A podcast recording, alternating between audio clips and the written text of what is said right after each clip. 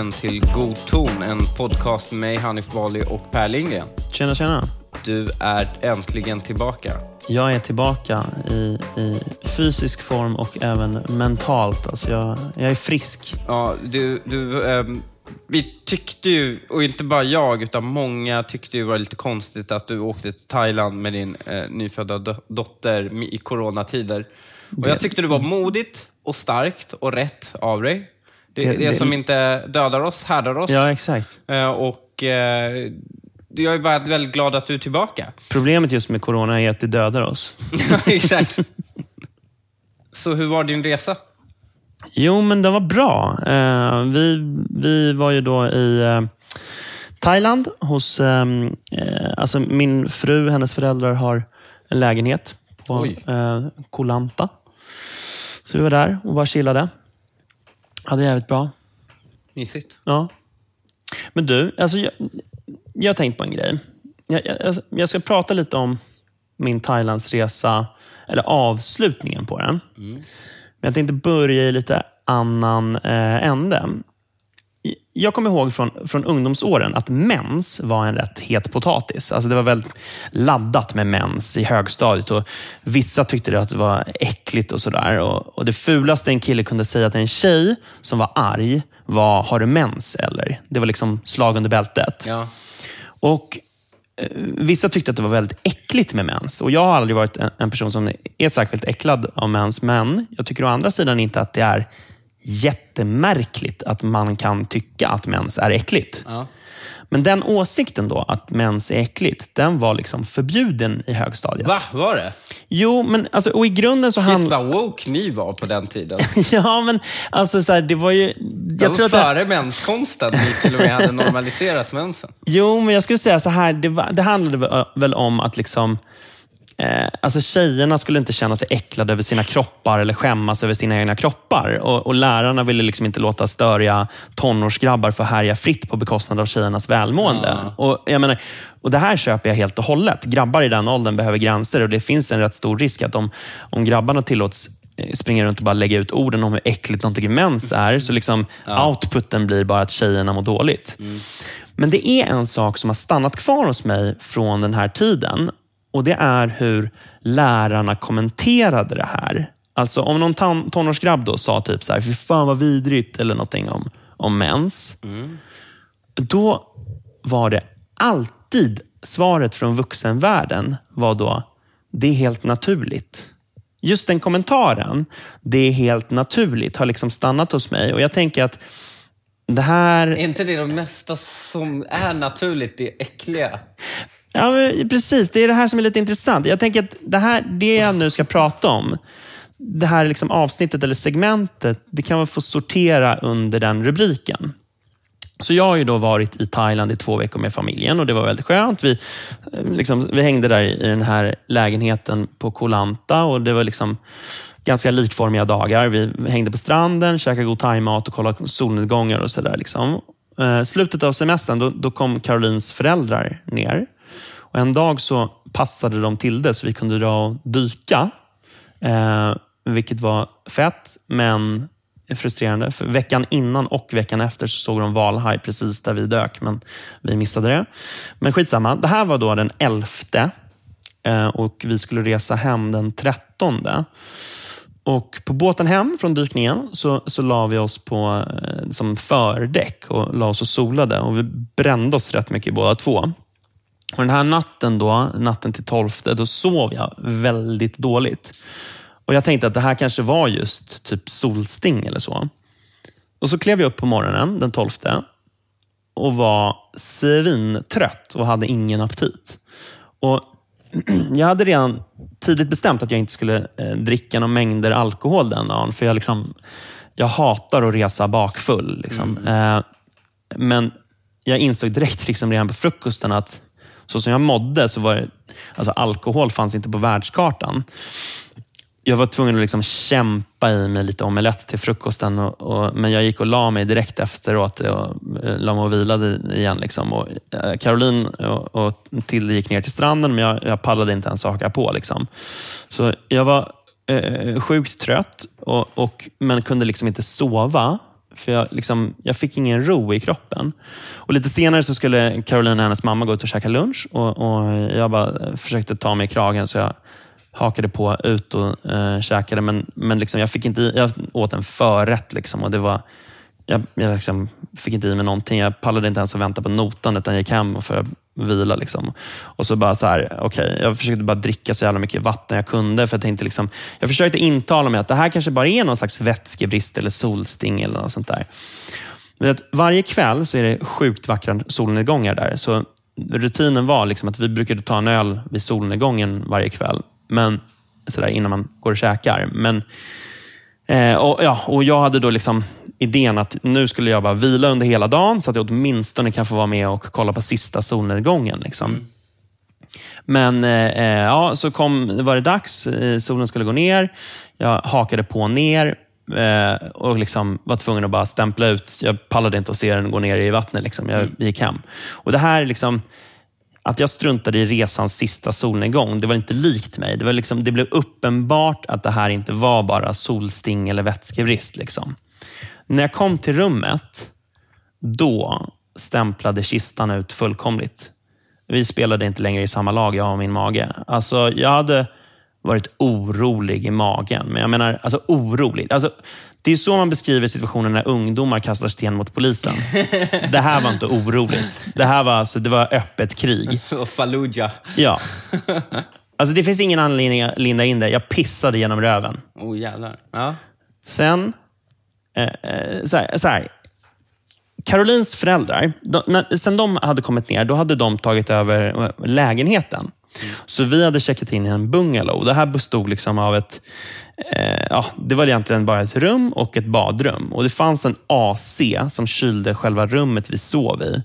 Men badrummet hade liksom ett fönster ut som var öppet med bara en skärm för. Och Det här gav att värmen utifrån kom in i badrummet. Så temperaturen i badrummet var som temperaturen ute. Och Nu snackar vi alltså Thailand i februari, alltså över 30 grader.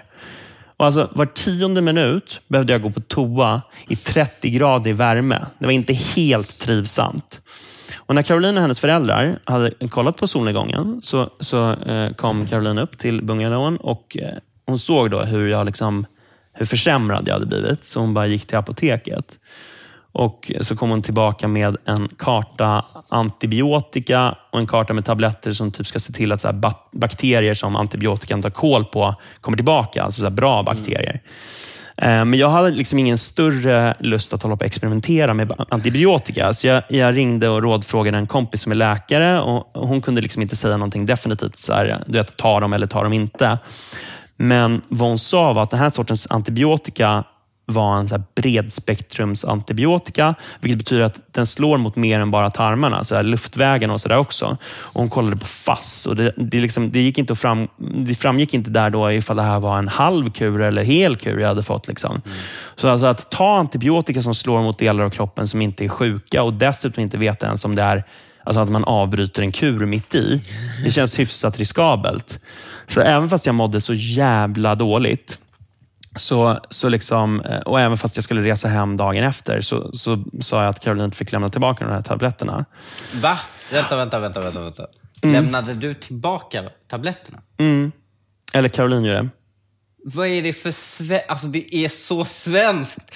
Det är bredspektrum antibiotika. Det där ska du ju behålla. Det där är ju guld är så... alltså man ger inte ens det till döende människor i sjukhus i Sverige för att säga, nej men vi ska vara försiktiga med resistensen här liksom. Ja, och Alltså- jag kanske liksom inte vill ta dem just för att jag är lite försiktig med resistensen. Så här, om du behöver bota dina könssjukdomar så får du liksom prata med någon som har tillgång till tunga droger. Men, men jag är inte en av dem. Liksom, jag kommer inte langa det där åt dig.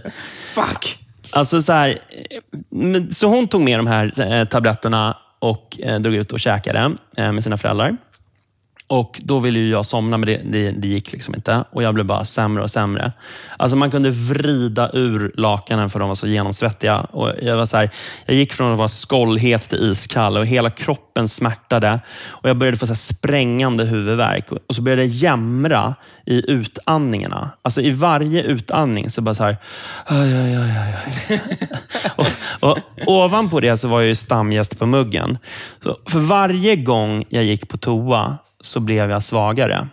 Och Vi hade eh, Resorb som jag hela tiden eh, drack då, eh, för att liksom, eh, behålla vätskan. Men, men liksom nettot var negativt. Jag blev mer och mer uttorkad. Och Efter ett tag så var jag tom på vätska. Och Då slutade jag fungera. Jag rörde mig som en heroinist. Alltså allt var så fumligt och långsamt och jag kunde inte kontrollera var jag satte fötterna när jag gick på toan. Värmen in i badrummet fick liksom svetten att droppa ner till golvet och det brände i halsen. Mina, mina tarmar stod i lågor.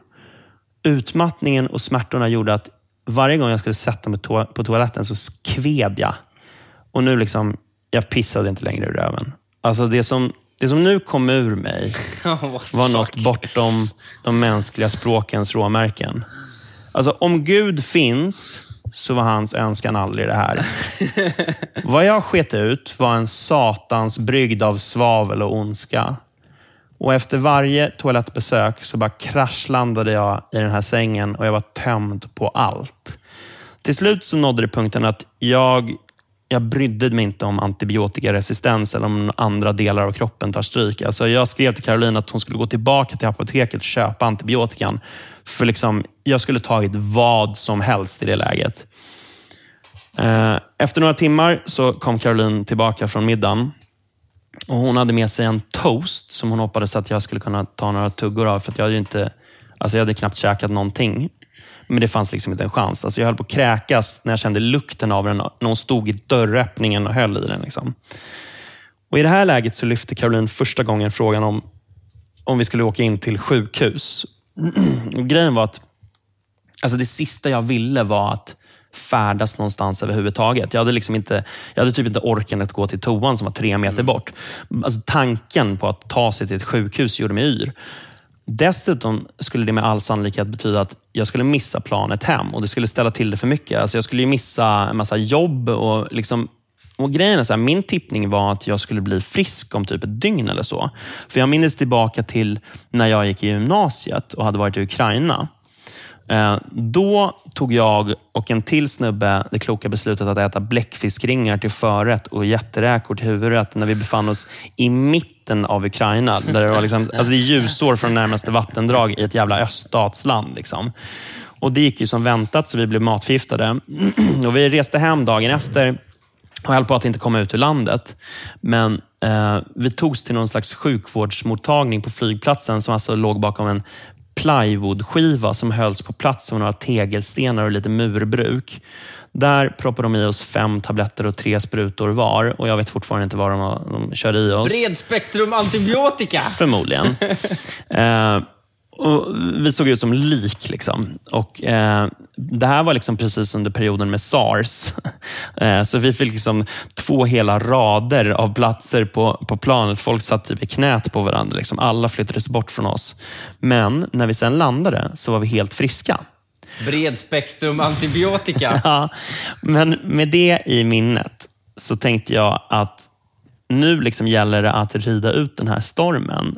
Men snart är det över. Därför så liksom ville inte jag till något sjukhus i Thailand. Och Den här natten, det var, det var ingen picknick. Lägsta punkten den nåddes när jag satt naken i badrummet och skrek ner galla i avloppet. Kroppen krampade så mycket att jag plötsligt kände att jag riskerade att sprutlackera väggen bakom mig, men jag lyckades knipa åt. Det här låter som en SSU-fest i Bryssel. I alla fall nästan. För när jag vände mig om så låg de där. Mitt på badrumsgolvet. De två minst åtråvärda pärlorna på planeten Tellus. Nej, för fan vad du är äcklig. Varför de var, du här? De var små. Inte större än två lillfingernaglar. Men de var av stor betydelse. För i och med det här, de här två små gynnarna, Hanif, så hade nästa gräns passerats. Jag hade nu skitit på golvet. Jag insåg att vad jag nu skitit ut var varken vatten eller satans brygd. Det var min sista gnutta värdighet. Och jag jämrade så här, nej, nej, nej, nej. Och på andra sidan den lövtunna dörren som släppte igenom både odör och ljud låg min fru. Och Hon hade så länge givit upp alla förhoppningar om att få sova. Och hon ropade så här, lämna allt. Du behöver inte städa efter dig. Men jag menar, vad för slags infernalisk jävel krävs det för att ta henne på orden i det läget? Så med fumliga heroiniströrelser så torkade jag upp efter mig själv och tvättade händerna. Nästa dag kom. Caroline fick packa allt, styra upp allt, checka ut medan jag låg som en bit ruttnande kött. Eh, och Vi blev upphämtade av en taxi. När den eh, började åka var sista gången vi resonerade om ifall den verkligen skulle till flygplatsen eller om vi skulle åka till sjukhuset. Och Jag tvekade såklart. Eh, alltså, för Det var en obehaglig tanke att jag kanske skulle bli nekad att flyga. Och Då hade jag ju liksom tagit vägen om flygplatsen i onödan. Mm. Men jag chansade, så vi åkte till flygplatsen. På flygplatsen så var det trångt och varmt. Eh, extremt mycket folk och långa köer. Och Jag skämdes när jag såg hur min fru behövde liksom hantera resväskor, vagn, vårt barn och jag behövde hantera en vattenflaska. Eh, och Det gav också en del blickar från folk som kanske inte riktigt upplevde mig som den mest gentlemannamässiga personen de sett. Eh, och så var jag extremt känslig för ljus och ljud hela tiden. Och Det var konstanta utrop i högtalarsystemen efter passagerare som skulle till olika gater.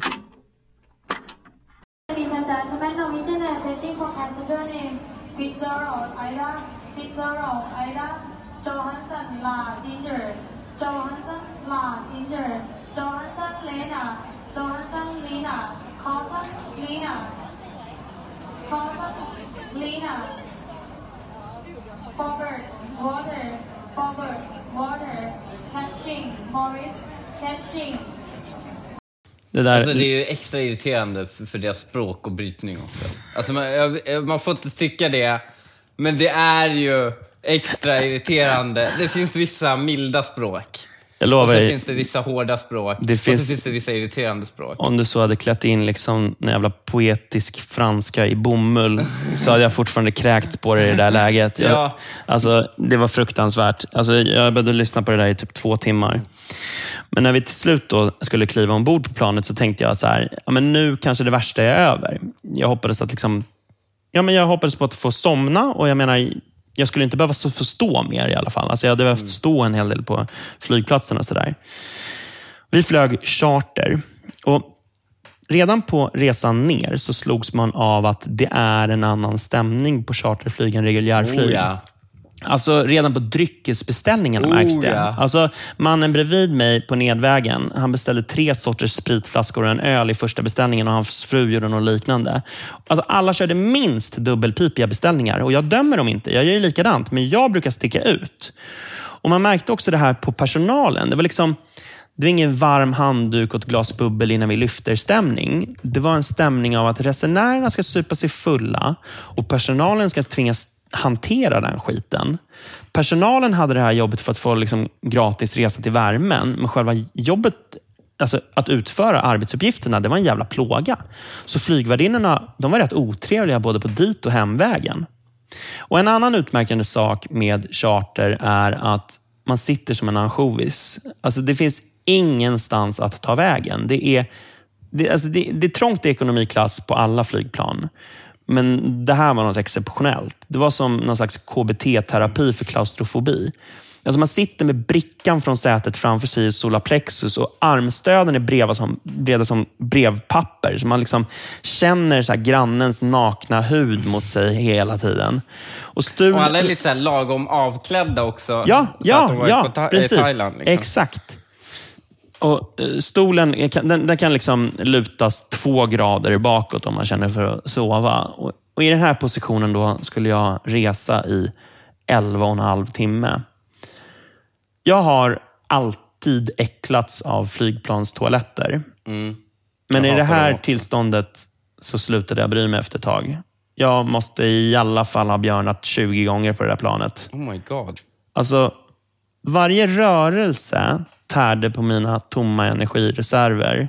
till slut så orkade jag liksom inte ens sätta papper på ringkanten. Fukt mot baksidan av låren. Och när man spolar så uppstår ett vakuum som man tror att ändtarmen ska följa med. Så höll det på. Timme ut och timme in. Jag satt i 88 graders lutning i min vilstol och jämrade i utandningarna när jag inte gnuggade skinkorna mot andra människors urin. Och när det serverades mat så tackade jag nej, varpå eh, flygvärdinnan sa med märkligt irriterad röst, men du är betalat för den.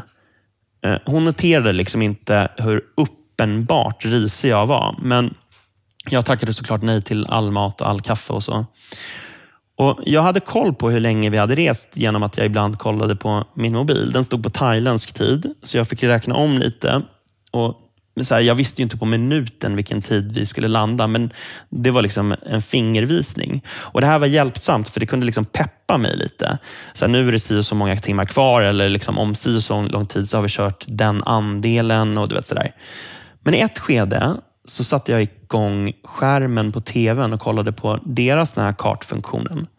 Och Då visade det sig att jag hade räknat fel på två timmar. Det gav att vi hade åkt mindre än halva resan, medan jag trodde att vi hade åkt mer än halva resan.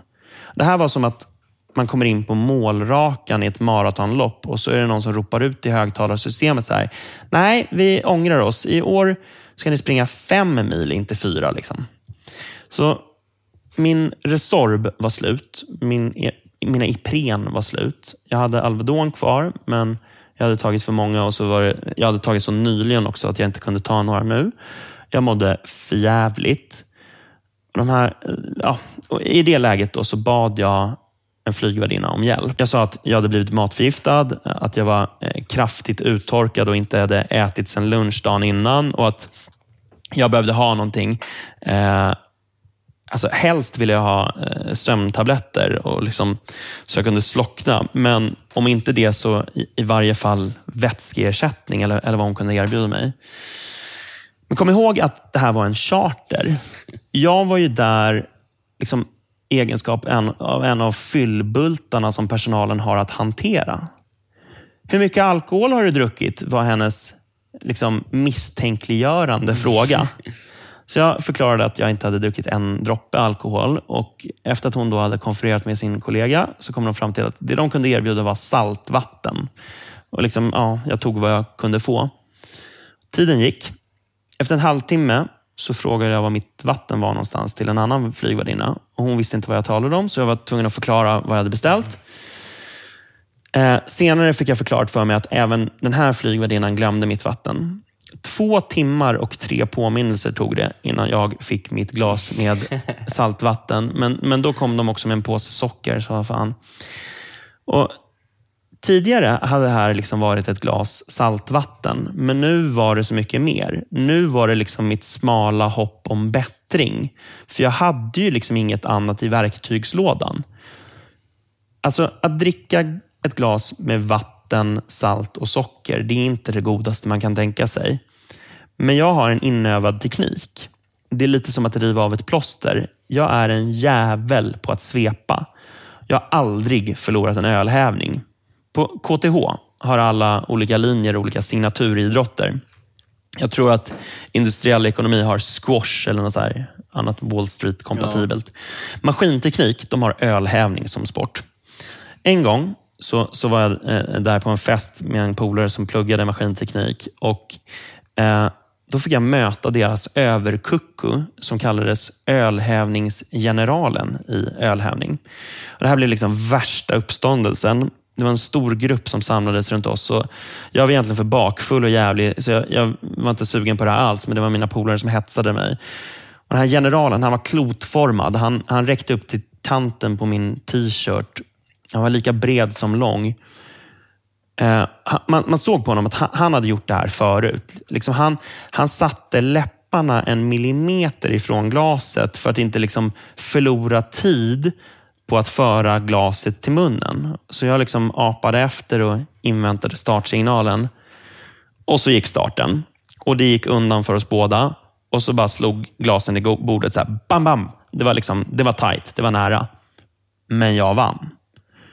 Och här var då en man vars identitet var ölhävning. Hans värld rasade ju samman. Jag hade liksom kommit in som en sprätt och vunnit inför hela hans posse. Så han bönade om en andra chans. Men då förklarade jag för honom att han från och med nu var ölhävningsmajoren, för jag var den nya generalen. Och det här då, att jag kan dricka snabbt, det, det liksom ger att jag kan även dricka äckliga saker på ett sätt så att jag bara känner den äckliga smaken en gång. Jag river ju av ett plåstret. Så med den kunskapen i bagaget så fattade jag det här vattenglaset och tömde det ner i strupen. Direkt vände det. Hela munnen full av spya. Jag hann tänka tanken så här. Nu får jag inte tänka på hur äckligt det är med munnen full av spya innan det här blev övermäktigt. Jag fyllde glaset som jag just tömt gud. med salt, sött och numera beskt vatten som kompletterades med små bruna för förnimmelser från helvete. min mage. Åh gud, för i helvete. Glaset var fullt. Nu hade jag liksom inget mer att tillgå. Men nästa laddning gick inte att stoppa. Jag spydde rakt ut på brickan och på stolsryggen framför mig. Kvinnan som satt bredvid mig, hon tog fram sin påse som han hade, hon hade för behållare till, till vätskefyllda saker och tömde den och, och gav den till mig. Och jag spydde i den. Men, men inte med någon form av måttfullhet eller självaktning. Jag skrek. Blä!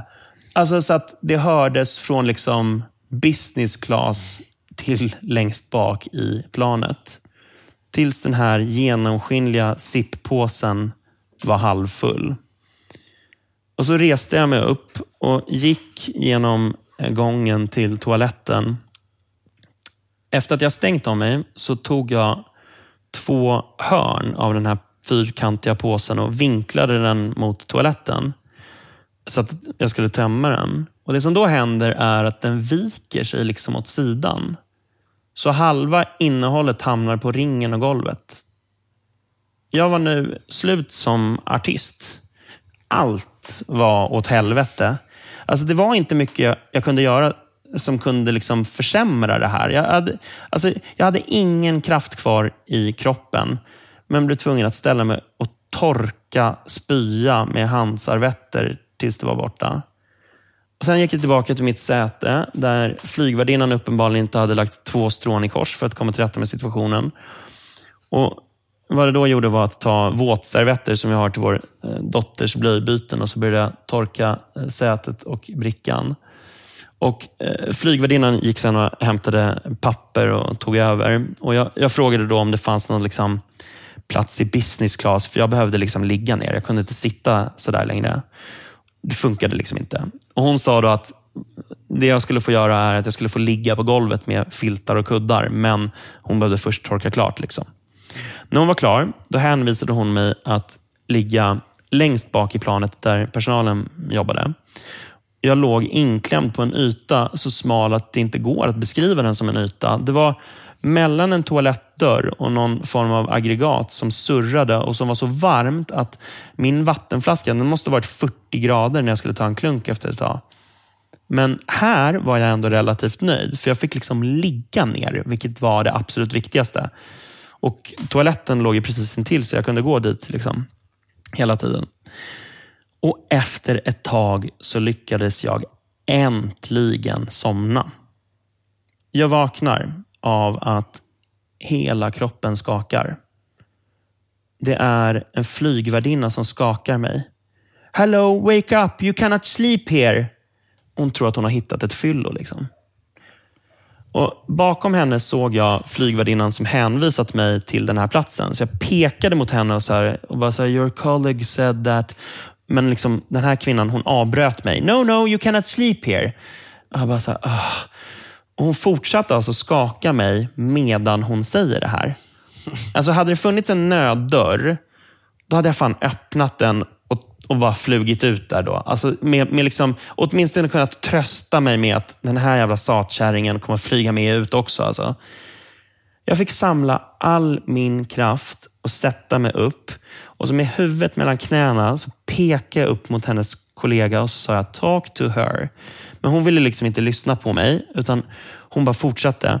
Men då ser den här kollegan äntligen henne och de två börjar prata med varandra. Och Jag tittar upp på dem och så hör jag inte vad de säger. Men en bit in i samtalet så spärrades ögonen upp på hon som hade väckt mig. Hon började grimasera äcklat. Och liksom, jag kunde gissa mig till vilken passage de var i kring min, kring min flygresa. Så jag la mig till rätta och försökte somna om. Men någon, någon sömn blev det inte på ett tag. För även om det måste ha funnits åtta toaletter att välja mellan i ekonomiklass och en av dem var kanske tre meter ifrån den jag låg vid. Då, även om det var så, så tyckte en massa halvapor att det verkade som en god idé att gå på just den toaletten som jag låg vid. De skulle prompt buffa undan mina ben och liksom klämma sig in på den toaletten som låg innanför mig. Och Min klena tröst var att den ondskefulla bakterien som jag nu hade inuti mig, den hade en fucking housewarming party inne på den där toaletten. Det hade jag säkerställt, så jag hoppades på att vart en, varenda en av dem som trängde sig in i den där toaletten sen skulle sitta med tarmarna i brand och ångra sig. Men och efter ett tag så, så eh, hände något konstigt. Det blev en konstig uppståndelse. Det var så ansträngda röster och diskussioner och, och, så såg jag en snubbe med långt hår som han verkade hög som ett hus. Men jag hörde också att någon sa någonting om, om diabetes. han han verkar inte må helt hundra. Men jag fick inte klart för mig vad det var som hände. Eh, och, så jag la mig ner och, och, så, och så lyckades jag somna igen. Och så sov jag ett tag och så till slut så hände det som liksom inte hade känts realistiskt. En flygvärdinna väckte mig och sa att de skulle förbereda för, för landning. Och ljuset i tunneln tändes. liksom. Jag gick tillbaka till mitt säte. Så det var en hyfsad walk of shame kan jag säga. Alltså, jag var ju inte planets mest älskade passagerare. Och jag reflekterade över att förra gången jag besudlade ett plan var i SARS-tider. Den här gången är det coronatider. Alla måste ha varit livrädda. Och jag satte mig vid min plats och så bad jag om ursäkt till mina grannar. Och De var väldigt förstående och fina. Eh, och så drog jag in en, en ny laddning Alvedon och så försökte jag bara bita ihop på slutrakan. Och Efter ett tag så märkte jag hur jag liksom mådde betydligt bättre. Jag vågade först inte tro på det, men det var så himla eh, likt den där gången i gymnasiet. Då hade jag också plötsligt börjat må bättre när jag kom till Arlanda. Jag var liksom frisk när jag kom till Arlanda den gången. Och Nu började jag liksom hoppas på att det kanske är likadant. Och så landar planet Eh, och Då ropar kaptenen ut att de har börjat med en ny rutin som innebär att alla ska sitta kvar på sina platser mycket längre. Och Alla flygvärdinnorna eh, ropade ut det här flera gånger till de som ändå reste sig. Och Till slut så eh, lydde planet. Vi satt och vi satt och vi satt och det var varmt. Och Även om jag hade mått lite bättre ett tag så liksom, det här blev en jävla prövning. Liksom. Eh, efter en lång stund så eh, kommer det in tre poliser. Och De gick bak till platsen där jag hade legat och där den här diabetesmannen hade varit. Och Kort därefter så ledde personalen fram en rödgråten ung tjej som var omsvept i en filt. Jag fick aldrig klart för mig vad det var som hade hänt. Men det var liksom bara ytterligare ett moment i den här dramatiska det resan. Sjukt! Fan, det är den konstigaste jävla resan någonsin. Och så äntligen släcktes bälteslamporna. Eh, efter den värsta resan i mitt liv var jag äntligen i Sverige. Och jag led så mycket också med min fru som under hela den här tiden hade behövt ha liksom vår dotter i knät. Hon hade inte sovit en blund. Och, ja, det var liksom, hon hade haft en helvetesresa också. Så det var ingen höjdarflight för vare sig mig eller Caroline.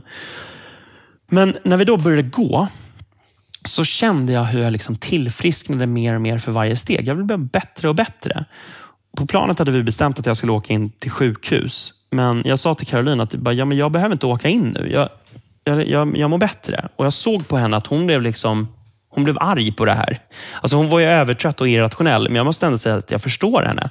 Alltså, det är såklart inte så att jag kan bestämma över sjukdomen, men att jag nu av någon slags jävla bekvämlighetsskäl ska, ska liksom gå och strunta i sjukan och tillfriskna. Det blev liksom det blev kortslutning i henne. Men jag mådde så bra så att jag tog liksom väskorna från bandet. Jag var den som drog band, vagnen och sådär. Så det var helt sjukt. Men sen så kom vi till en taxi, lastade in i den och då kom allt tillbaka. Jag, jag har ingen förklaring till varför jag började må så där bra plötsligt. Det var väl liksom kanske en kombination av att Alvedonen verkade samtidigt som jag liksom fick en adrenalin-rush av att äntligen vara framme. Men, alltså allt... Men också fosterlandet. det var fosterlandet. Ja, kanske. Men allt det var bortblåst nu. Så, så vi blev tvungna att styra taxin till sjukan direkt. Och så åkte vi till Sankt Görans. Där, där klev jag in och möttes då av en offentlig sektor-frisyr. Alltså, jag kunde knappt prata för jag var så trasig. Och den här, eh, eh, liksom, jag, förklarade för henne då att jag var eh, matförgiftad och inte hade ätit på två dygn och att jag var kraftigt uttorkad. Men den här piffiga frisyren, hon var luttrad. Hon hade sett sjuka människor förr. Så hon, hon tog lägg på mig eh, och sådär. Alltså, du vet, jag klarade inte ens av att ta ur lägget ur plånboken, utan jag bara gav henne plånboken. Jag bara, ta det. Så här, du vet, så här, hon fick ta ur det själv. Liksom. Och så bara, mm, vad har du för telefonnummer? Jag bara, 072. Alltså jag kunde typ inte prata. Hon bara, mm, kan du prata högre? Alltså jag hade inte kraften för det, men jag hade i det läget velat raka av henne hennes hjälmfrisyr och bara mata henne med den.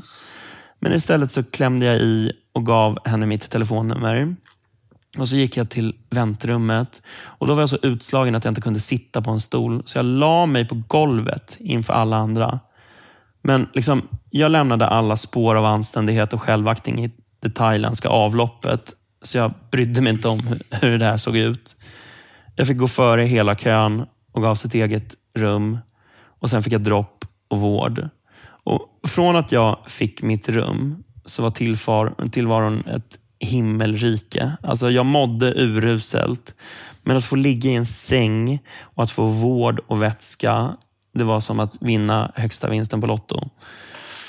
Det, det, det jag hade fått var campilo, campylobacter och någon bakterie som heter typ aromonas eller något sånt där. Man får det från råkyckling. Och Jag kan väl nämna det, du som har någon förkärlek för den här bredspektrum antibiotikan, att eh, alltså man ska inte ta antibiotika i det läget. De allra flesta formerna av antibiotika förvärrar situationen. Men när jag nu mår bättre och ser tillbaka på det som har hänt, så kan jag säga så här. Hade jag erbjudits två miljoner för att genomlida det här igen, så hade jag tackat nej. Tre miljoner kanske. Fyra miljoner hade tackat ja. Det här är den värsta reseupplevelsen i mitt liv. Men det här som jag har upplevt Hanif, det har varit helt naturligt.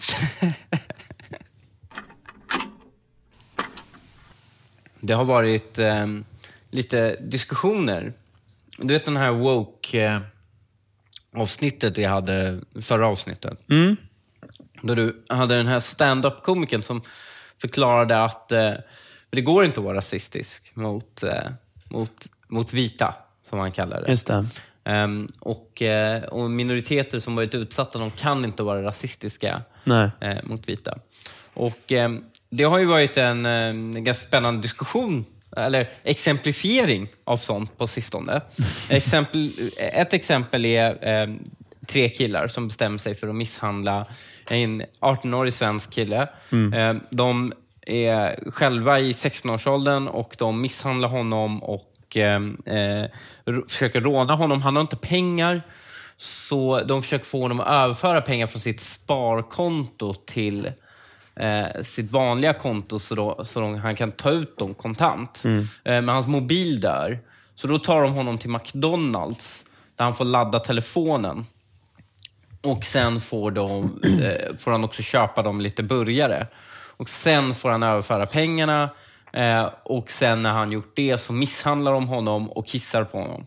Alltså det är så jävla vidrigt. Alltså det, utöver det, liksom den här, alltså det, det värsta med det är såklart då att de, de pissar på honom. Det är så jävla utdraget förlopp. Ja, det är, flera så timmar. Du kan tänka dig också hur rädd han måste vara. Ja. Att han är i ett offentligt rum men Ja. vågar inte göra någonting. Ja. Eh, De här killarna då kommer ju från ett utsatt område.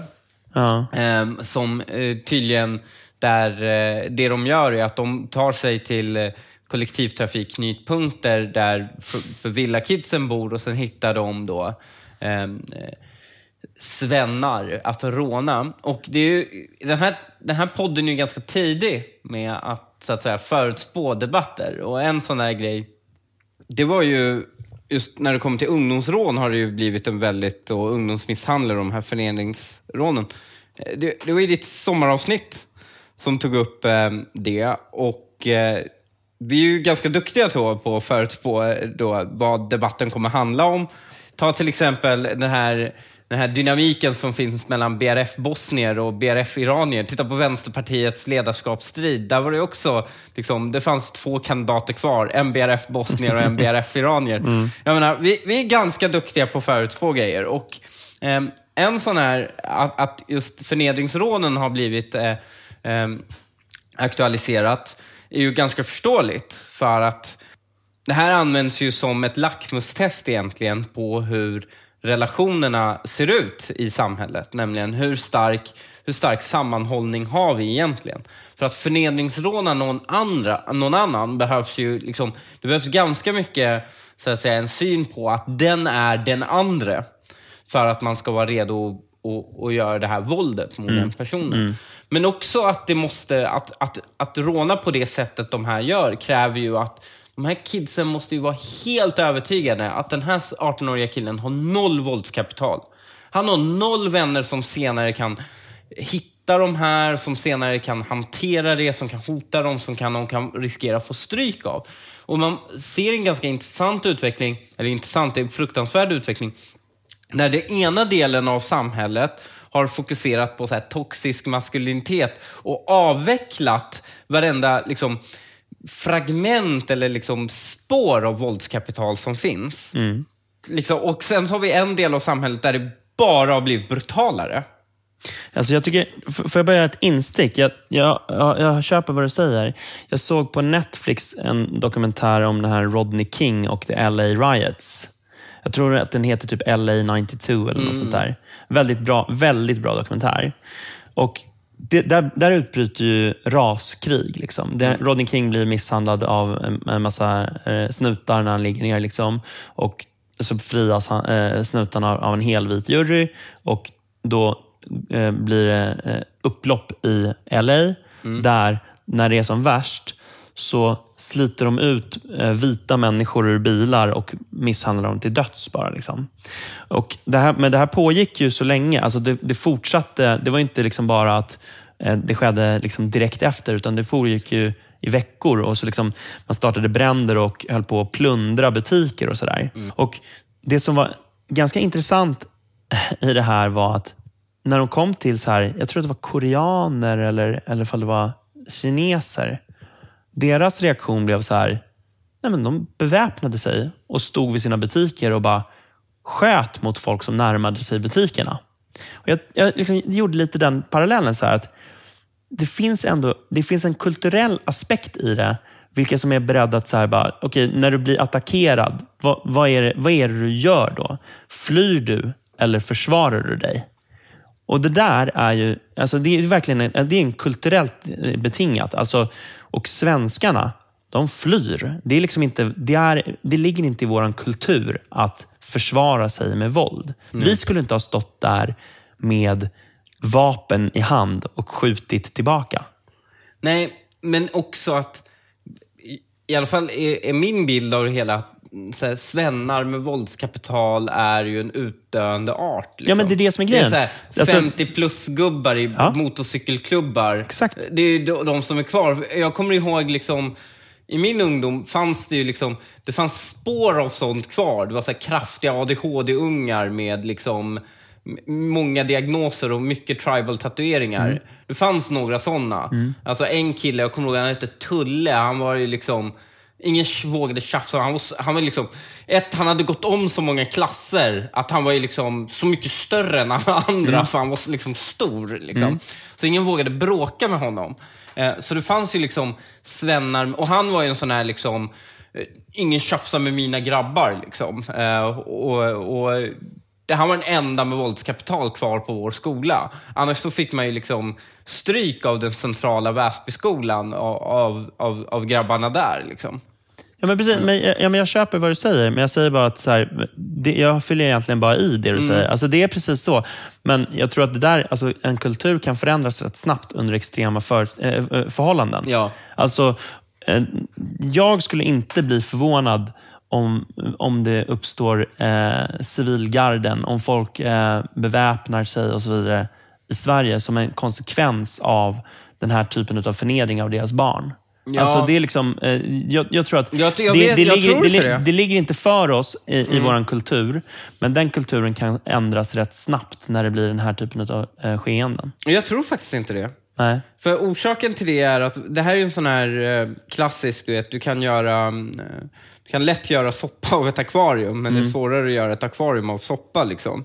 Ehm, för att eh, alltså, vi, är i en, vi har en kultur där folk inte ens vågar säga sin åsikt i liksom, migrationsfrågan utan att vara liksom, anonyma på, på Twitter. Liksom.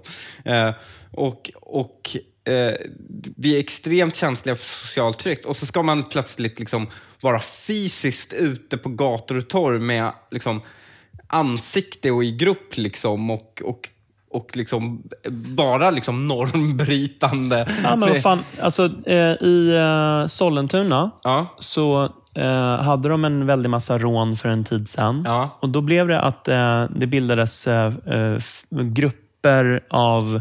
Det bildades en Facebookgrupp. Liksom. Ja. Så dök föräldrar upp med sina bilar och patrullerade. Liksom, eh, nattvandrare. Alltså, du, du, jag pratar inte nödvändigtvis om att man behöver ha påkar och vapen med sig. Men det är ju fortfarande så att, alltså, att, man, att man går man ur huset Ja. på ett sätt. Ja, i och för sig, det skulle liksom, det, det narrativet, så här, vi nattvandrar, men vi nattvandrar redo, inte bara med saft och bullar, liksom, utan Ja, redo alltså- att gripa in. Liksom. Ja, exakt. Det, det, den dimensionen, det tror jag det, det finns så här, utrymme för. Mm. Ehm, men sen så, jag tror också att vad, vad det kommer, när de här olika våldskapitalen möts, Mm. så kommer, alltså det, det, det är oundvikligen så att någon dag kommer någons förälder bli söndermisshandlad. Ja, visst. Och det kommer ju också sätta ett narrativ. Ja, Och då kommer det så här, ja, men nu kan inte ens ni nattvandra. nej. Men jag, jag, tittar man på debatten som har skapats efter de här fören, förnedringsrånen och de här ganska... Och det är ju inte bara för, för det, det rasmotiverade liksom förnedringsrånen som är det intressanta, utan det, även det bredare gettofierade våldet. Eh, Man pratar, polisen vittnar om till exempel att det man ser någonting som man inte sett tidigare är till exempel väldigt mycket våldsutövning från tjejer mot andra tjejer. Ett fenomen som inte alls existerade i samma utsträckning som finns idag. Nämligen, man får tjejen att gå ner på knän, erkänna att hon är en jävla hora och sen misshandlar man henne, stampar henne på huvudet. Alltså ganska grova misshandlingar av, av tjejer i liksom 14-årsåldern. Eh, och det är också ett så här gettofierat våld som inte existerade tidigare. Och det är uppenbart att det har någonting i alla fall med att eh, våra getton har dominerats av kulturen mycket närmare till våld. Visst. Det finns en YouTube-kanal som heter Tjafs och jag vill helst inte göra reklam för det här, för det här är, det är fruktansvärd TV. Alltså för typ ett halvår sedan var jag på väg att eh, göra ett segment om tjafs. Alltså Ja. där jag liksom prat, tänkte prata om hur de är precis negativet till vad jag vill att den här podden ska vara. Jag, Ja. De är allt jag vill att vi inte ska vara. Ja.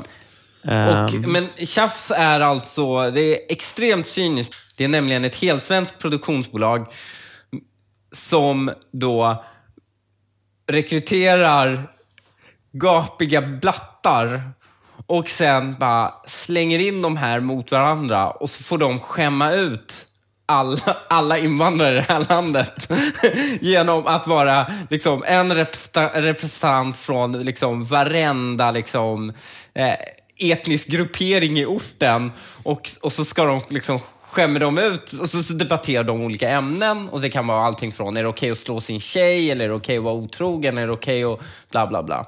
Och de, de, de, de har en debatt som handlar om, när, när det kommer till våld.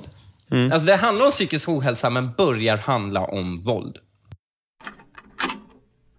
My little brother, han kan, han kan skrika om han fi, spelar Fifa och förlorar. Alltså jag går alltid dit och ger han en lavett. Sådär. Fuck håller du på med? Man har sett dig ner och Men tror du att han kommer må bättre av att du går och ger honom en Ja! Fucking wake up call! Sluta Alltså- skrika och gråta över att du har spelat, alltså vad heter det? Så då tycker du Förlorat, att förlorat ett Fifa-match, alltså det är som Men alltså, han är 19 ju- år gammal om Men jag ger honom en lavett, Han han är är ju min ett barn lillebror. då. Ja men alltså... ja. Undrar Det om är du så tycker att han alltså, kommer gråta över det du tycker att det är en liten sak liksom. Jag tycker bara våld i sig är fel, det spelar ingen roll. Det walla! där är han- vardagsmat alltså, sanningen. jag Det antar- var hemma också, det blir höger antar- vänster. Det beror på det, vart du är uppvuxen, du är, grek, jag förstår att du inte är uppvuxen sådär så här är det, kurder och araber är uppvuxen med otroligt mycket respekt Okej? okej. Otroligt mycket respekt. Okej, jag är uppvuxen med att if my dad alltså or mom is not in the house, then that's the big brother, that's the man in the house. Förstår du? Då, så där är det. Och sen när man får en lavett eller inte, där är vardagsmat. Jag förstår att du Vardagsmat! Alltså, det där jag menar, du förstår inte det du säger hur fel det Jag är. förstår att jag kan gå in och bara så. tja, driv men det med där, mig. jag ska vara rakt på sak. Mina du syskon där borta, du ska sätta gräns för dem. Om inte mamma och pappa är hemma, det är jag som är bossen. Exakt! Förstår du walla? Om Ja. de ska öppna sin mun, ta, lyssna. Det Ja, är där jag har fått min respekt. Nej, nej, Det är okej där. att slå ett barn! Och för mig det är sådär. Alltså, För mig det sådär. är, grejen är, vi, Du är uppvuxen, vi är uppvuxen i ett samhälle och i en kultur där, där den äldsta i huset är pappan eller mamman Och du vill ha respekt, det är så du hämtar din respekt. Det är jag som bestämmer, annars de kör över dig. Förstår du? De växer upp och det är de som tror att det är de som I alla bossar. fall. Du, jag från början direkt, du säger vem som bestämmer. Jag är uppvuxen i ett land där man är uppvuxen med väldigt mycket respekt, okej? Och där kan man skämta väldigt mycket om och så bara så slå varandra lite sådär till yngre syskon. Ej visa Mm. Respekt, jag är också. din äldre. Det är Men mycket alltså, det är så mycket jag stör mig på det här. Jag vill bara kräkas rakt ut. Men jag tycker det är väldigt, alltså det är väldigt talande och det sättet man ens kommunicerar, det är via våld. Det är liksom, och de beskriver det själva nämligen. Kommunikation för att få respekt, för att visa kärlek, för att visa ehm, gör inte så eller gör så. Det är med våld. Men jag, kolla, jag, eh, det här är en väldigt kontroversiell åsikt, men alltså så här, är jag tycker inte att... Eh, så här, jag är, jag är eh, emot varje form av eh, våld i meningen att vi kan inte ha ett land som är eh, inordnat så att vi accepterar våld mot barn från föräldrar. Däremot så är det så här, jag fattar funktionen av det. Alltså så här, jag förstår att det skapar en auktoritet och en hierarki. Alltså så här, det, jag, förstår, jag förstår den grejen. Ja, men det får Jag- externa effekter också. Ja, så ja exakt. exakt. Eh, men, men jag måste bara säga att det här, det här jävla eh, eh, stjärnskottet som bryter in och säger så här, för mig det är sådär, för mig det är sådär. Alltså det, är så här, det är ett jävla intressant resonemang också. Att man kan argumentera hur värdelöst som helst och sen bara säga så här, för mig det är sådär. Nej, men det, men det Alltså är det är så för jävla honom. talande. För att det är ju, det här är ju, det här är, det här är ett kulturellt fenomen som existerar. Ja. Nämligen att det, det är våld som är kommunikationsmedel för att få respekt. Och det här är deras definition av respekt. Och alltså det är den här skeva definitionen av vad respekt är också. Att man är rädd för någon. tyder ju på att de här människorna vet inte hur man får respekt för andra sätt. Alltså in, inom, i, i andra kulturer liksom, och an, i andra normer eh, och än den här liksom, Mellanöstern underklassnormen. Jag vågar säga, så här är det inte inom så att säga, i, i, i högre klasser i, i, i Mellanöstern. Det här är en underklassfenomen som existerar i, i Mellanöstern. Och det är ju att eh, då är dina prestationer sättet du får respekt. Mm. Alltså, du kan få respekt genom prestationer. Men det här är kulturer där det är inte prestationer du får, du har någon form av social selektion för. Utan det är hierarkisk underordning och liksom hierarkisk lojalitet gentemot dina släktingar.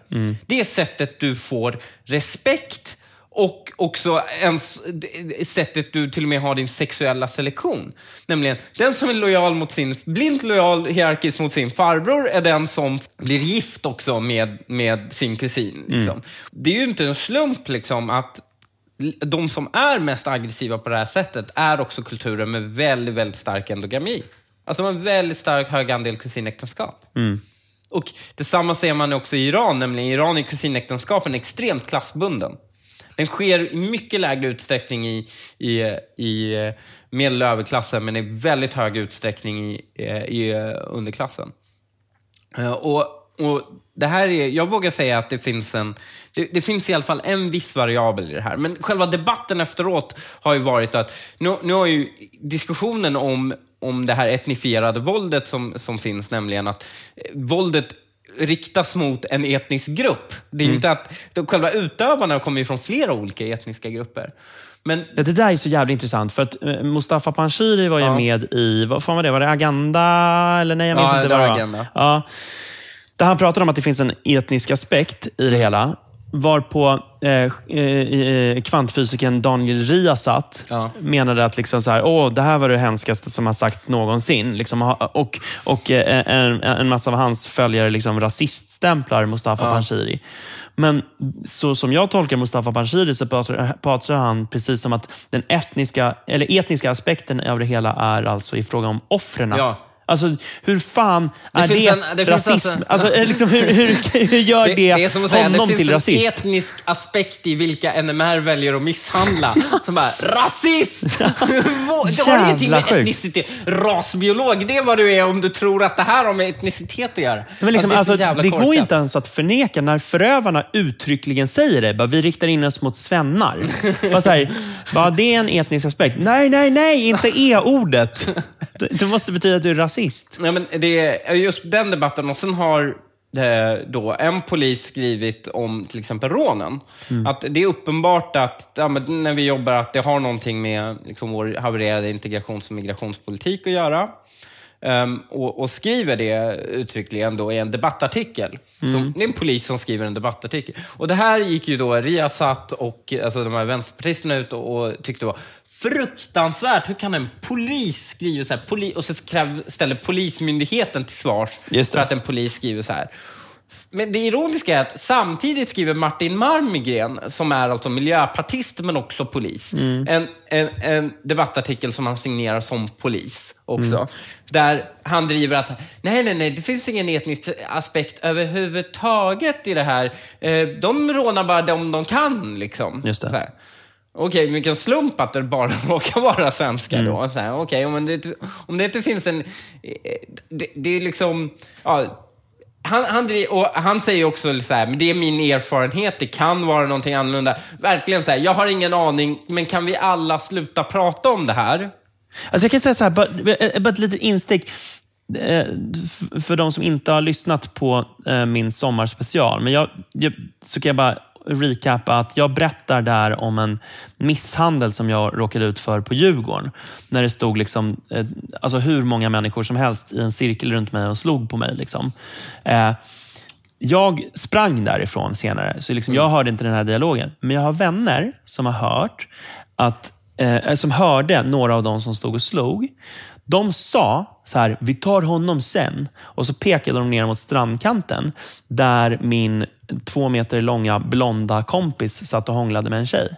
Han hade gjort ingenting. Liksom. Han hade gjort noll. De kollade ju liksom efter människor med svenskt utseende. Vad vi tar honom sen. Sen så tog de inte honom. Han klarade sig av någon anledning. Men det är så de gör. De, alltså, de profilerar ju utifrån utseende. Ja, det, det är så här, han säger ju att så här, ja, men de här poliserna, Riazat pratar ju om ra, rasprofilering. Han säger ju det här är fruktansvärd rasprofilering polisen sysslar med. Så bara, men det är, alltså, det är ju förövarna som sysslar Ja, med ja, rasprofilering. ja, ja, ja. Det är liksom, men, men debatten har ju varit helt sjuk för att då har man ju försökt, och de här Frida Sundgren eller vad han heter från, på Expressen, någon, någon snowflake-journalist som får säga hur kan polisen, hon är någon ACAB-journalist av någon anledning, så, hur kan polisen skriva så här, skriver hon i en, i en debattartikel.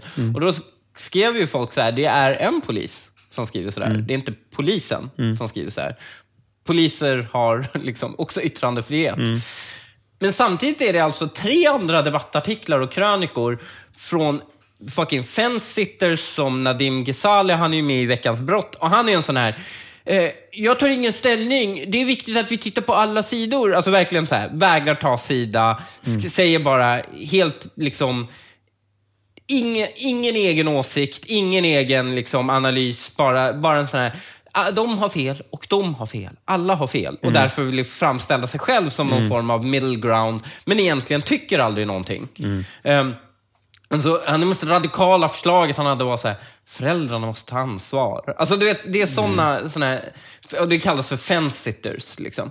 Och sen har du ju Martin Malmgren-typerna där det är så här, det är viktigt om hur vi debatterar det här och nu är tonläget lite för högt. Och det är viktigt för oss att vi inte pekar ut vissa grupper när de liksom kissar oss i ansiktet. Alltså det är verkligen så här, då, då, den här debatten har verkligen följt det klassiska mönstret. Ja, men det Men gjorde det- ju uh, Oshin Cantwell också. Ja. Alltså så här, ja men nu är det en masspsykos. Och sen så liksom har han någon liten, han skrev någon, eh, en krönika om det där, där han liksom har en mening om typ så här, Eh, nej, jag menar inte alls att förminska det här. Utan Ja, det är fruktansvärt, Det är fruktansvärt. men- Men.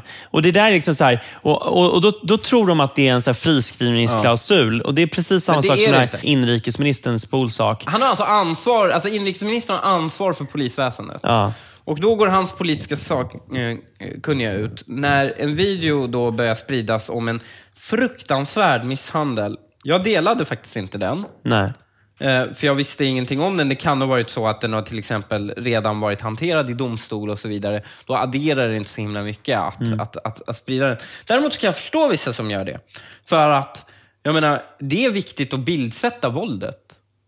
Det är viktigt att folk ser vilket extremt våld vi pratar om. Eh, Det Ja, kan men det är det som, eh, vi har pratat om det tidigare, det är det som Lamotte gör som är väldigt viktigt. Ja. Alltså för, för väldigt många där ute som inte har liksom upplevt det eh, first Mm. hand, så är en, en livesändning av Lamotte som är liksom oklippt och rå, Mm. den fyller en viktig funktion. Den blir som det uppspolade liket av den här pojken Ja. vid Medelhavet. Ja. Det blir liksom levande på ett helt annat sätt. Det går inte att skriva i text oroligt. Ja.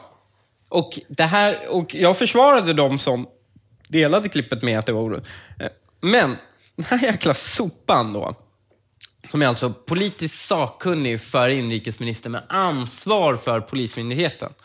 Hans första reaktion när han säger att den här videon sprids är att säga, ja det är en vidrig video. Säger han. Alltså, och det är den här friskrivningen. Men sen handlar ju resten av hans jävla rant om hur fruktansvärt det är att SD visar det här och hur fruktansvärt M och KD är att de vill bilda regering. Mm. Precis. Och, Alltså, det, är så här, det fruktansvärda med den här videon är att den väcker känslor hos oss som gör så att jag riskerar att bli arbetslös. Det Det är är, en tjej- hans reaktion. Det är en tjej som ligger på marken, blir stampad på, medan folk skriker “fucka revbenen på henne”. Walla, walla. Alltså så här, och då, då, då liksom kör han en så här, du vet den här klassikern “everything before but is bull”. Ja. Alltså han säger Eh, videon är vidrig, men... liksom huvudbudskapet är ju, ja, eh, vad är det för otrevligt, eh, tr- otrevlig avsändare här egentligen? Det är ju faktiskt exakt. SD som skickar den. Och tänk att de är så hemska. De vill riva upp otrevliga stämningar runt den här videon. Viktigt nu att fokusera på hur vi pratar om det här liksom, och, och regeringsfrågan. Så jävla sjukt. Det är så jävla sjukt. Och alltså, jag blev prick, på riktigt liksom, ledsen när jag såg det. Alltså, inte liksom så här, bara så här, åh, gör politiska poänger mellan moderater och sossar. Att vi inte älskar varandra, det är ingen, liksom så här, det är ingen eh, hemlighet. Men jag ser ändå Alltså fan, det kanske är för att det här är en hjärtefråga för mig eftersom att jag är uppväxt med den här skiten själv. Liksom. Men jag vill ju på riktigt att det här ska alltså lösas. Jag vill på riktigt att, det här, liksom, att vi ska komma till rätta med det här. Hade sossarna varit med på båten så hade det varit så jävla mycket lättare att göra det. Men det är konstant fokus på metadebatter. Det är konstant fokus på allt annat förutom självaste faktiska problemet. Vilket försvårar alla åtgärder. Det är bara klackarna i backen för, för alla åtgärder. Och det är det Oshin Cantwell gör när han säger liksom, ja, det här är masshysteri. Liksom. Det är bara att fördröja allting. Alltså, De förminskar, förnekar och fördröjer. Det är, liksom, det är så jävla symptomatiskt för hela vänstern och eh, vänstermedia-etablissemanget. Jag, jag tycker det är... Jag tycker, alltså, just, just att det är också... Vad är det mest radikala förslag ni har då? För då har ju diskussionen då... Löfven har ju då sagt att det är på grund av brist på moral. Och då kan man ju säga, okej. Det kan ju finnas väldigt många orsaker till varför det finns brist på moral. Alltså varför... Alltså, det kan handla om varför har vissa grupper en väldigt stark liksom, Så jävla grundanalys. Ja, Ja. det är brist på en moral, men och, och, and then what? And then Hos what? vem och varför och vad gör vi åt? Vissa grupper, det kan vara etniskt, det kan vara kulturellt, det kan vara och så vidare, har en väldigt stark ingruppslojalitet, en väldigt stark utgruppshat.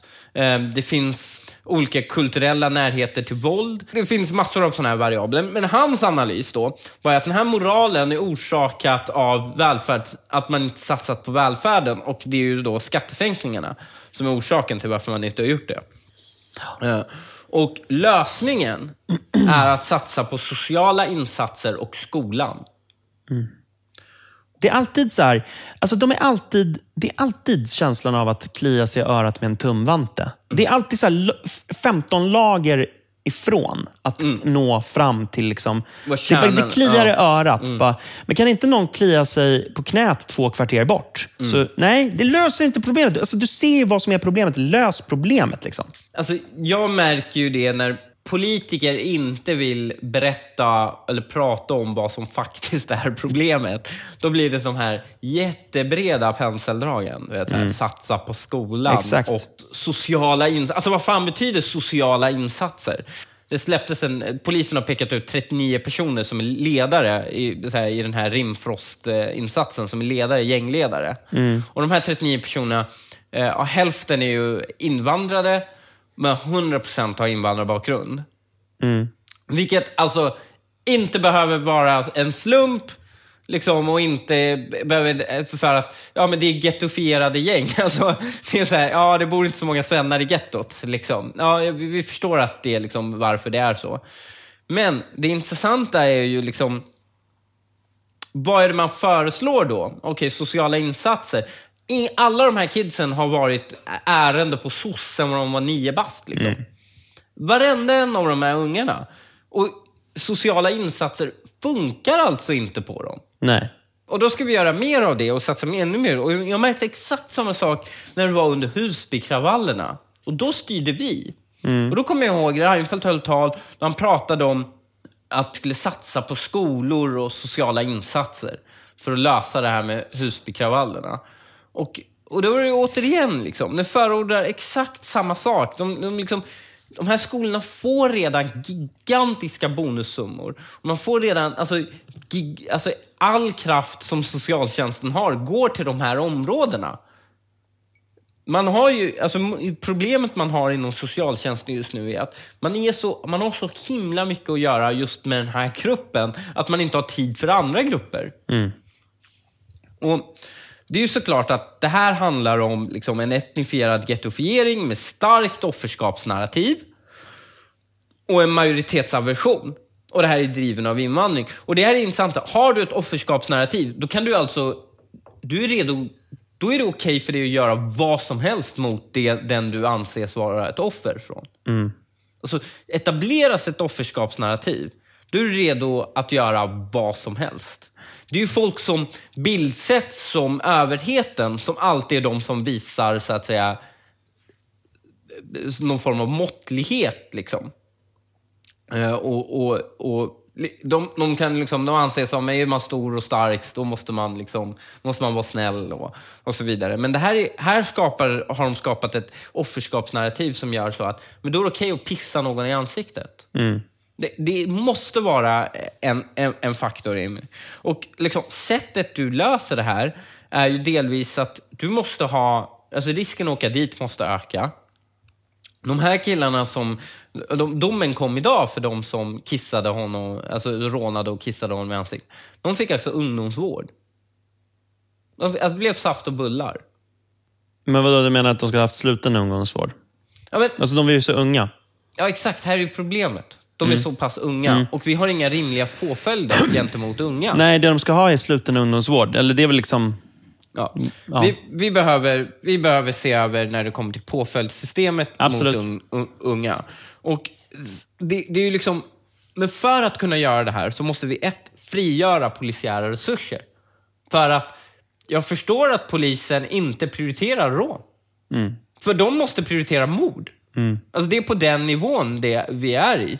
Och det du måste göra är också, liksom, du måste frigöra polisiära resurser genom att långtidsinkapacitera hyperkriminella. Ja. Och det är ju liksom en, det är en väldigt liten men välkänd grupp liksom, som tar upp det mesta av polisens resurser. Det här är ju, det finns Nej, men de där 39, de ska ju bara in. Liksom. Alltså, Ja. det, alltså, det, de ska in och sen så, då har vi fan löst en, en rätt stor del av problemet. Ja, och, det här är ju problemet. Den Och de ska gruppen, in länge. Det, Ja. det ska inte vara någon jävla eh, liksom, sitta halva eller en, en, en, två tredjedelar och, och sån här ja, skit. men nej, nej, nej. Alltså, det, jag tycker snarare när det kommer till ungdomar så borde vissa, viss form av brottslighet liksom se till att nej, men minimistraffet är att du sitter till du är 25 och du kan få villkorligt, men bryter du mot det, då får du sitta hela tiden till du är 25. Det borde vara hårdare straff för ungdomar än vad det är för äldre. Varför det? Därför, vi vet att brottslighet som begås av unga, särskilt återkommande krim, kriminell, alltså när du är i en kriminell livsstil. Den formen av brottslighet går inte att bryta med sociala insatser. Och den avhjälps inte heller av att ja, men du får sitta några månader för den där misshandeln när du är ute igen. Nej, den avhjälps med ålder. Den avhjälps med ålder, när din hjärna har växt färdigt. Liksom. Och det här är människor som är dömda alltså. De är, alltså jag, jag kan köpa, jag köper så här, three strikes you're out, det är kanske hårt. Men det här är människor med så här 15 punkter på belastningsregistret. Alltså, vi kan ju säga 15 brott, then you're out. Så är, åker alla de här 39 in i alla fall ju. Och, och jag menar, det här är ju långa straff, det frigör polisens kapacitet för andra brott. Och då kan polisen visa närvaro, då kan de liksom, risken att åka dit för rån och andra sådana här muggings och, och så ökar. Och, men det jag tycker också är att man borde hitta sätt att nå familjerna. Alltså du måste skapa eh, Och en sån här är, till exempel, i Malmö har man ju valt att vräka familjer vars barn sysslar med stenkastning. Mm. Och det finns det stöd för i jordabalken, nämligen om du försätter din, ditt närområde i terror, då har hyresvärden rätt att säga upp ditt hyreskontrakt. Trots att det inte är du som begått handlingen, utan dina barn. Du är ansvarig för dina barn. Om dina unga sätter eld på tvättstugan eller garaget, eller börjar kasta sten eller börjar förstöra närområdet, ja, men då är det okej för dig att, att vräkas. Och när man började med det i Malmö, då försvann stenkastning. Alltså det bara försvann helt. Och det man måste förstå är att de här kommer från hederskulturella släktbandskulturer där människor bryr sig mer om sina familjer än vad de gör om myndigheter och lag. Och den skammen som finns och den enorma sociala liksom, eh, pressen som skulle göra så att folk skulle tänka sig för några gånger om risken fanns att deras föräldrar blev vräkta. Ehm, och, och eh, Den här borde man ju kolla på hur man kan använda mot unga gängkriminella. Eh, därutöver så måste vi, alltså det här är ju, vi måste minska nativiteten bland stora fattiga familjer. Och det här är ju, folk har ju feltolkat det här, allt från katoliker till liksom, eh, vänstern har ju feltolkat det här som fan. För att de tror ju att man ska gå och liksom tvångsabortera folk. Men Det handlar inte om det. Det handlar om att det finns bidragsincitament och kulturella faktorer som gör att alltså, det skapas väldigt stora familjer. Och vi vet att bidragstagande sjubarnsfamiljer kan inte vara effektiva föräldrar i väst. Nej. Det går inte. Nej. De, de kan inte bara, de är fattiga, de, har, de bor trångbott och liksom, för, då är det så här, ja, men då, det, då finns det exempel på till exempel nya påföljder man vill ha, till exempel husarrest för de här ungdomarna. Eh, så, då bara så här, ja, du kan ju sätta den i husarrest, men alltså, den bor med sju andra syskon i, i liksom en trea i Rinkeby. Det, det är inte nödvändigtvis att det är en så himla nice miljö heller och kommer vara en så att säga, rehabiliterande miljö för den här personen. Nej, men vadå? Är det, alltså, fast husarrester syftar väl knappast till att vara rehabiliterande. Det, är ju, det, är så, alltså, det fyller ju samma funktion som inkapacitering. Alltså, Ja, nej, du- alltså, du- så här, nej, men andra slipper att du är på Exakt. gatan och rånar. Exakt. Men, Så det är liksom- jag, det men jag menar, det finns ju den här LVU i hemmet, Mm. det finns massor av sådana här saker som arbetar under premissen att folk kan vara fungerande föräldrar. Mm. Men det kan de inte, för de har sju barn. Sen är det också så här, kvinnlig makt över reproduktion är den mest effektiva fattigdomsbekämparen vi har. Om de på riktigt tror att fattigdom är en försvårande faktor för den här formen av brottslighet, då borde ju rimligtvis då analysen att det kanske inte är så bra att kvinnor då blir barnamaskiner i fattigdom.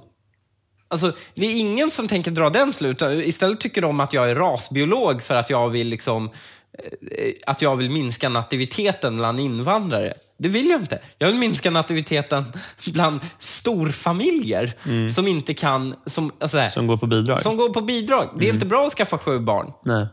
Nöj dig med tre. Det är fortfarande en högre nativitet än vad liksom resten av landet har. Eh, därutöver, självklart, minska invandringen och utvisa. Alltså man måste börja utvisa kriminella invandrare i mycket högre utsträckning. Så får du ju, delvis får du en faktor att folk söker sig inte hit som kanske har dålig intent, men också att folk kanske blir, liksom, tänka sig för några gånger innan de begår brott. Men också att särskilt blir folk mm, långt mer försiktiga i, när de är tidiga i landet med att begå brott och därför inte hamnar i brottets bana. Och sen så på den femte punkten är att man måste liksom bryta upp endogamin. Alltså, den här upp, det, det finns jättemycket data som stödjer Kusingifte alltså? Ja, det, det, alltså, det upprätthåller xeno, Du blir extremt xenofobisk. Du får en extrem ingruppslojalitet och du börjar avsky andra grupper. Alltså, de mest rasistiska samhällen som finns är endogama kulturer. Och den är nepotistisk och den eh, skapar en oförmåga att underställa sig rättsstaten. Den, liksom, den lojaliserar kriminella nätverk. Det, du måste komma åt de här sakerna. Och det är här jag tycker att de här jävla fence-sittersen som säger så här, nu är det viktigt att vi håller två tankar i huvudet samtidigt. Det är viktigt att vi inte blir upprörda. Jag tycker att vi, det, det handlar inte om hudfärger och sådana här saker. Det är en form av härskarteknik. För alla de här människorna som säger de sakerna, de kommer aldrig själva med någon form av komplex analys. Nej. Folk som säger men det är man ska vara försiktig med de, eh, med de enkla svaren. De kommer aldrig med några svåra svar. Nej. Det är det enda de säger. De vill bara säga, jag är smart. Ni är dumma. Och sen tar det slut där. Ja, det händer att de kommer med dumma svar. Alltså, de Ja. kommer med så här, alltså, eh, Det här- få, fånga upp dem tidigt. Ja, det, alltså, det är en sån här grej man hör. Men det här är ju en sån här... Det här är människor som enbart klarar av att hålla en variabel i huvudet samtidigt. Mm. Som alltid säger det är viktigt att hålla flera tankar i huvudet samtidigt. Mm, Och det är därför de har haft fel. Alltså varenda förutspåelse de här människorna har gjort har ju varit fel. Och det här är intressant nämligen att Rasse-Nasse Troll lyckas då ha rätt och få förutspå det här långt mycket bättre än vad de här människorna klarar av. För att de här människorna är inte ute efter att förstå hur verkligheten är. De är ute efter att signalera sin dygdighet gentemot varandra. De är helt ointresserade av verkligheten.